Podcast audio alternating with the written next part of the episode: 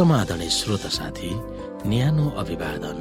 म उही तपाईँहरूको आफ्नै मित्र धनलाल राईको। श्रोता साथी आज म तपाईँको बीचमा बाइबल सन्देश लिएर आएको छु। आजको बाइबल सन्देशको शीर्षक रहेको छ उच्च पारिनु भएको यीशुका वरदानहरू।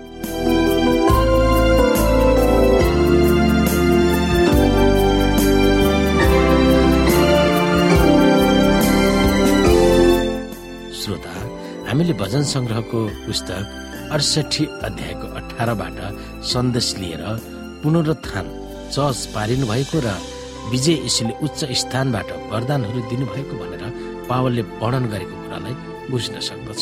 उचालिनु भएको यसुले के वरदान वा उपहारहरू दिनुभयो र ती के का लागि थियो हामी हेर्न सक्छौँ यहाँनिर। एफिसी चार अध्यायको एघारदेखि तेह्रसम्म। उहाँले नै कसैलाई आफ्नो प्रेरित कसैलाई अगमवक्ता कसैलाई प्रचारक कसैलाई मण्डलीको हेरविचार गर्ने र कसैलाई शिक्षकहरू नियुक्त गर्नुभयो। ख्रिस्टका सबै पवित्र जनहरूलाई उहाँको काम गर्न सक्ने बनाउन र उहाँको शरीर मण्डलीको उन्नति गर्न यो नियुक्ति दिनुभयो। यस प्रकार यी वरदानका कामहरूले हामीलाई विश्वासको एकतामा ल्याउन र परमेश्वरको पुत्रको ज्ञानमा हामीलाई बढाउन मद्दत दिइरहन्छ र एक दिन हामी परिपक्व बन्नेछौँ र ख्रिस्टकै पूर्णताको यात्रामा हामी पुग्नेछौँ। चर्चको उत्थान प्रबन्धन र सम्वर्धनको निम्ति स्वर्गमा उच्च पारिनु भएको यसुले आफ्नो ढुकुटीबाट चार समूहका मानिसहरूलाई उपहार वा वरदानहरू दिनुभएको थियो भनेर पावलले पहिचान गराउँदछन् अर्थात् चर्चमा मुख्य चार थरीका दक्ष जनशक्तिहरू छन् भनेर यहाँ उद्घोष गर्दछन्। एकमा प्रेरित वा यसुका निजी चेलाहरू भने दुईमा अगमवक्ताहरू भने तिनमा सुसमाचार प्रचारक वा मिसिनेरीहरू र चारमा गोठाला वा शिक्षकहरू। ग्रिक शब्दमा दुवै गोठाला वा अगुवा शिक्षकहरू एउटै शब्दमा राखिएको छ।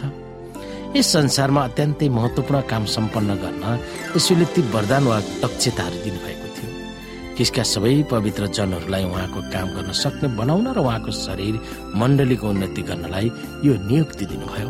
यस प्रकार यी वरदानका कामहरूले हामीलाई विश्वासको एकतामा ल्याउनु र परमेश्वरको पुत्रको ज्ञानमा हामीलाई बढाउन मद्दत दिइरहन्छ। र एक दिन हामी परिपक्व बन्नेछौँ र ख्रिस्टकै परिपूर्णताको मात्रामा हामी पुग्नेछौँ। सुरुका सेभेन द एडभेन्टिसहरूको निम्ति यो अन्तिम कारण थियो विशेष महत्वपूर्ण थियो दिदी एलएनजी हाइटमा भएको आत्मिक वरदानहरूको बारेमा तिनीहरूले सोच्दै थिए। अगमबाडी बोल्ने वरदान के प्रेरितहरूको समयसम्म मात्र सीमित गरिएको थियो? के यो वरदान यसु नाउन्जेल निरन्तर रूपमा भइरहन्छ? सुरुको एडभेन्टिसहरूले त्यसको जवाब एफिसी चार अध्यायको तेह्रमा पाएका थिए। एकजना जहाजको कप्तान वा चालकको बारेमा कथा तिनीहरूले एक आपसमा बाँडेका थिए। यात्रामा जहाज चलाउने निर्देशनहरू उनले पालना गर्नु पर्थ्यो जब जहाज समुद्रको किनारमा आइपुग्छ तब चालक जहाजमाथि आएर जहाजलाई चलाउनेछ अरू सबै निर्देशनहरू उनले पालन गरेका थिए। कप्तानले चालकलाई आउन दिएर उनको अगुवाईलाई कप्तानले सुन्नु परेको थियो। अब निर्देशन पुस्तिकाको निर्देशन कसले सुन्छ? चालकलाई व्यवस्था गर्नेले कि निर्देशन पुस्तिका अनुसार चालकलाई सुन्नेले? तपाईँहरू आफैले निर्णय गर्नुहोस्। गोठालो वा पास्टरहरू शिक्षक वा गुरुहरू सुसमाचार प्रचारकहरू भन्दा हामीले हाम्रो समयको परिवेशमा हामी हेर्छौँ। त्यसमा हामी होसियारी अप्नाउनु पर्दछ। तिनीहरू मिसन कर्मचारी हुन् भनेर हामीले सोच्दछौँ। तर पावलको समयमा चर्चको भत्ता वा तलब नखाने सर्वसाधारण अगुवाहरू थिए। तिनीहरूले एफिसीका घरेलु चर्चहरूको अगुवाई गर्दथे। यसै या पाँच अध्यायको चारमा हामी पढ्छौँ भने मैले आफ्नो दाग पारीको निम्ति नगरेको के छ र? दिदी एलएनजी हाइटको सन्दर्भमा हामी परमेश्वरले के गर्नु भएको सो हामी सोच्न सक्छौँ। त्यसलाई हामीले कसरी प्रयोग गर्न सक्छौँ? कि आज श्रोता परमेश्वरको दागबारीमा काम गर्ने मानिसहरू जो पनि हुन सक्छ चाहे चर्चका पास्टर अगुवा अथवा तनखा लिएका मानिस मात्रै परमेश्वरको दागबारीका प्रचारकहरू होइन। हामीले जसले बुझ्यौँ जसले परमेश्वरको अनुग्रह पायौँ हामीले हामी नै ती दागबारीको गोठालो बन्नुपर्ने अवस्था छ र परमेश्वरको महिमालाई सारा संसारमा फैल्याउन हाम्रो कर्तव्य र काम हुन आउँछ।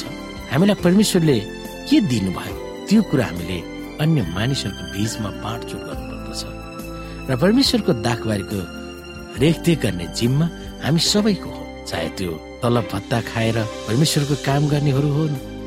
अथवा केही नलिकन आफ्नो धन सम्पत्तिले परमेश्वरको महिमा गर्नेहरू सबैजनाले परमेश्वरकै सत्य सन्देश र सुसमाचारको प्रचार प्रसार गर्नु आवश्यक छ।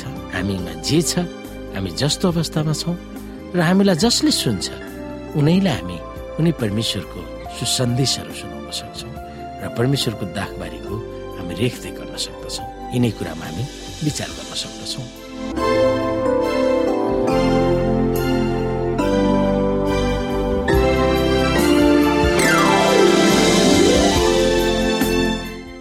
श्रोता आजको लागि बाइबल सन्देश यति नै। हस्त नमस्ते जय मसिंह।